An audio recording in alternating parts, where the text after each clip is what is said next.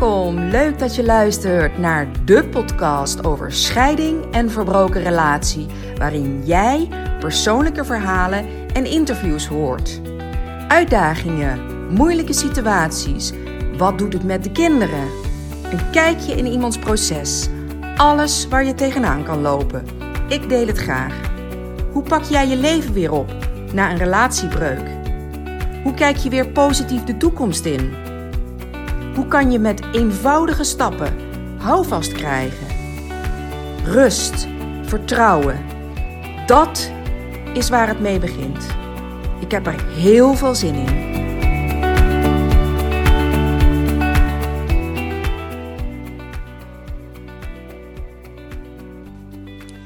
Een nieuwe podcast op deze mooie zonnige zondagochtend. En dit weekend hebben wij de kinderen niet. Dus dat betekent een uh, rustig weekend en een uh, mooie dag, een mooie ochtend om uh, een nieuwe podcast op te nemen. En daar heb ik me natuurlijk wel al op voorbereid. Alleen het moment dat ik het opneem, dat stel ik dan wel eens even uit, omdat ik ook echt in het gevoel wil zitten en ik wil die rust voelen. En ja, nu deze zondagochtend zonnetje schijnt, is het een mooie gelegenheid.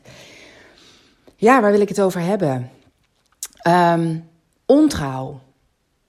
Dat is eigenlijk het onderwerp waar ik het over wil hebben in deze podcast. Maar ik wil eerst nog even het volgende met jullie delen. Want ik ben nog steeds zo enthousiast en blij um, dat ik vorige week de live heb, georganiseerd, heb georganiseerd hier bij mij thuis. Met een mooie groep uh, vrouwen die allemaal in dezelfde situatie zitten. Dus ja, dat gaf veel herkenning, steun. Uh, vonden ze bij elkaar, bij mij, ik bij hun ook nog steeds. En ongeacht uh, of ze beslisser of degene waren die geconfronteerd werden met de breuk, waren er toch veel raakvlakken in het proces wat ze aan het doorlopen zijn. Afscheid van het gezin en boosheid, verdriet. En wat doet het met de kinderen? Het was een fijne, ontspannen sfeer. Vrouwen die hoe dan ook verder willen met hun leven en een toekomst voor zichzelf en met hun kinderen willen opbouwen. En de herkenning en het inzicht, waar sta ik nu? Vrouwen zijn supersterk. Daar zijn we met z'n allen wel ondertussen achtergekomen en ook dus vorige week zaterdag. Het was heel erg verhelderend. Een positieve sfeer met emoties die er mochten zijn. En ik kreeg van iemand terug dat ze tot bezinning is gekomen. En dat ze, heeft, dat, ze is, dat ze even heeft mogen landen. En dat ze erachter kan waar ze tot nu staat en waar ze gekomen is. En wat is mij overkomen? En welke rol heb ik daarin gehad? En waar wil ik heen? Um, ja, mijn enthousiasme is zo groot geworden. En de bevestiging uh, dat hier mijn kracht ligt. En daarom ga ik dus binnenkort meerdere groepsessies organiseren, maar daar horen jullie nog meer over. Ja, ontrouw. Veel huwelijke relaties lopen op de klippen door overspel, vreemdgaan, ontrouw, hoe je het maar wil noemen. Hè? De realiteit is groot. Het komt veel voor. En schrik niet, één op de drie binnen een langdurige relatie ja, heeft, ja, gaat, is ontrouw. Ja, je hebt de vreemdganger versus het slachtoffer. Laten we het zo even noemen. Uh, en wat doet het met je? Ten, tegenover hoe kan dit gebeuren? Hoe ga ik hiermee om? En welke pijn ervaar je ten opzichte van waarom gaat iemand zo'n grens over? De vreemdganger die wordt gezien als de dader en het slachtoffer wordt vaak gezien als de trouwe. Zo wordt er eigenlijk vaak toch ongerecht, onterecht sorry, een stempel gedrukt op de rol die je hebt in het verhaal. En wat doet het met je? Wat als je erachter komt dat je partner vreemd gaat? De grond zakt onder je vandaan. Het is een keiharde klap in je gezicht. Een walgelijke vernedering. Je denkt exclusiviteit te hebben. En door de daad van een ander kan je zo diep zakken en overmand worden door heftige emoties, je kan je meer waardig voelen. pijnlijk en emotioneel zwaar. En het gevoel van bedreigd zijn, bedreigd worden. Ja, en wat kunnen nog meer gevolgen zijn van overspel? Je gaat jezelf de schuld geven, twijfelen aan jezelf, denken dat er iets met jou als persoon, dat het met jou als persoon te maken heeft. Verlies van vertrouwen en verlies van je veilige basis. En die basis is namelijk volledig onderuit, onder je uitgeslagen. En het is hard werken, dit weer terug te krijgen. Schade aan je eigen waarde. Depressie. Het heeft grote psychische impact, heeft het. En dit kan leiden tot depressie en angst. En die angst kan gepaard gaan met vreselijke beelden in je hoofd. Woede en wraakgevoelens. Iemand vertelde me laatst in een één op één sessie. Hij vertelde me dat hij verliefd was geworden op iemand anders. Ik was volledig overdonderd. Ongeloof, totale verbijstering. Hoe is dit mogelijk? We hebben een klein kind van een jaar en nog twee oudere kinderen. En na een periode van afstand en boosheid ging ik mijn best doen. Ik ging het een soort van ontkennen. Ik ging samen, ik ging dingen organiseren, dingen die we samen konden gaan doen. En dan dacht ik, dan komt het wel weer goed.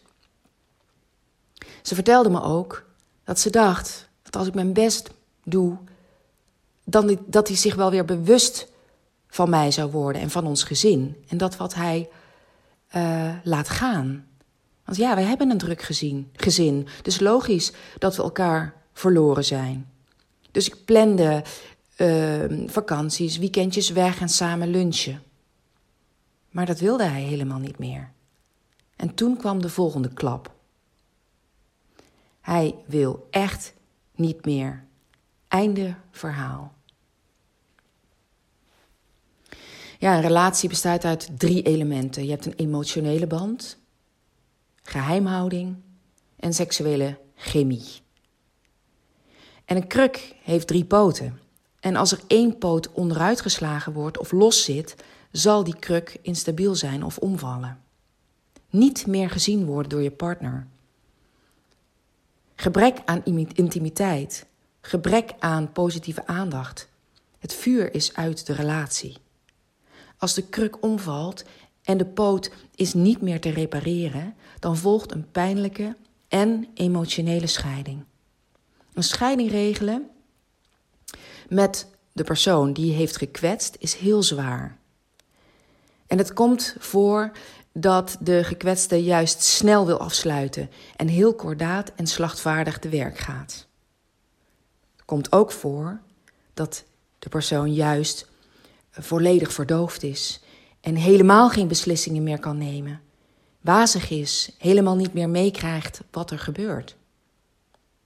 En dit gebeurt natuurlijk in heel veel scheidingen. Hè? Niet alleen als de reden uh, het overspel is of als er overspel uh, bij komt kijken. Nou ja, overspel is zelden de enige reden van een scheiding. Als het nog vers is, dan is dit heel moeilijk te zien en te begrijpen. Ja, dat komt in de meeste gevallen pas later, dat je gaat inzien dat er wel veel meer aan de hand was. En ja, ik ga natuurlijk ook die andere kant belichten. En hoe zit het dan met de dader? De dader tussen aanhalingstekens. Hè? Het klinkt heftig, hè? Maar zo wordt, wordt er wel gekeken uh, van een afstand. Niet door iedereen gelukkig. Vanuit die eerste emotie word, word je gezien als de dader. Vreemdgaan is een signaal van achterstallig onderhoud, achterstallige invulling van behoeftes, een stuk van jezelf verloren zijn. Je vindt iets in een ander, een stukje van jezelf, wat er tot nu toe niet kon zijn, of misschien deels niet. Het kan zijn dat het er ooit was, maar naar de achtergrond is verdwenen. Het kan, het kan zo zijn dat de leegte zo groot is en dat de behoefte zo groot is dat je deze leegte wilt opvullen, bewust en onbewust. Het is een niet vervulde behoefte of een verkeerd ingevulde behoefte. Ja, een veel voorkomende reden is dat je dus niet meer gezien wordt door je partner. Gebrek aan intimiteit, inleving en positieve aandacht. De aandacht van een ander kan een helende ervaring zijn. Je hervindt iets in jezelf wat je bewust en onbewust kwijt was. Ja, je onbewust aangetrokken voelen voor hetgeen een ander kan aanvullen bij jou.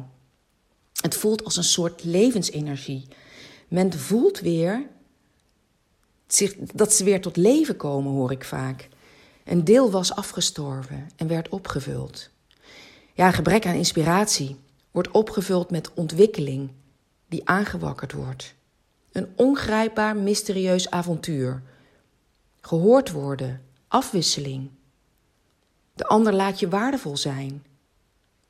En hier kan je dus, ja, is men soms heel gevoelig voor. En zeker als er een groot gemis aan waardering is. Zo, ja. Nou ja, vreemdgaan wordt vaak ervaren als leermoment. Ik ken zelfs iemand die zo enorm gegroeid is dat ze vindt dat het vreemdgaan uh, van haar ex, een hele lange tijd geleden, en de breuk die daarop volgde, het beste is wat haar is overkomen. Zij stapte in eerste instantie in die slachtofferrol, realiseerde zich van hé, hey, wat ben ik nou aan het met wat ben ik nou aan het doen? Kan ik hier iets mee? Heeft het iets met mij te maken? En zij overtuigde zichzelf en stapte hieruit. En kan dus nu zeggen, na haar enorme groei, dat dit het beste is wat zij, wat haar heeft mogen overkomen. Ja, na de pijn en vernedering gingen haar ogen open. Dit heeft niets met mij te maken. Dit betekent niet dat ik in de slachtofferrol moet blijven zitten. Ja, en soms moet je dus even, even, nee, soms moet je heel diep gaan om, weer, om er weer in een vernieuwde versie uit te komen. Dus een leermoment, ook voor de dader. Waarom maak ik deze keuze? En wat deed het met me? Klopte er iets niet in de relatie? Wat maakte ik dat ik die grens overging? En hoe stond ik zelf in de relatie? Wat miste ik? Wat kon ik niet geven of ontvangen? Ik had laatst een gesprek met mijn dochter van 19. En zij vindt, zij is daar redelijk stellig in, zij vindt dat je, um, als je, als het bewust is, hè, als je voelt, ik heb een leegte, ik heb, ik, ik heb een behoefte, uh, zij vindt het het meest eerlijk, en het wordt natuurlijk gezien, gezien vanuit de ogen van een 19-jarig meisje, um, dat je eerst in overleg moet gaan met je partner. Je voelt dat er gevaren dreigen. Je voelt dat je behoefte hebt om dingen bij een ander te zoeken.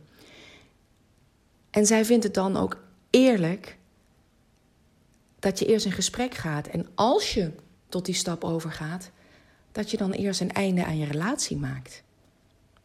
Of een punt zet achter de relatie.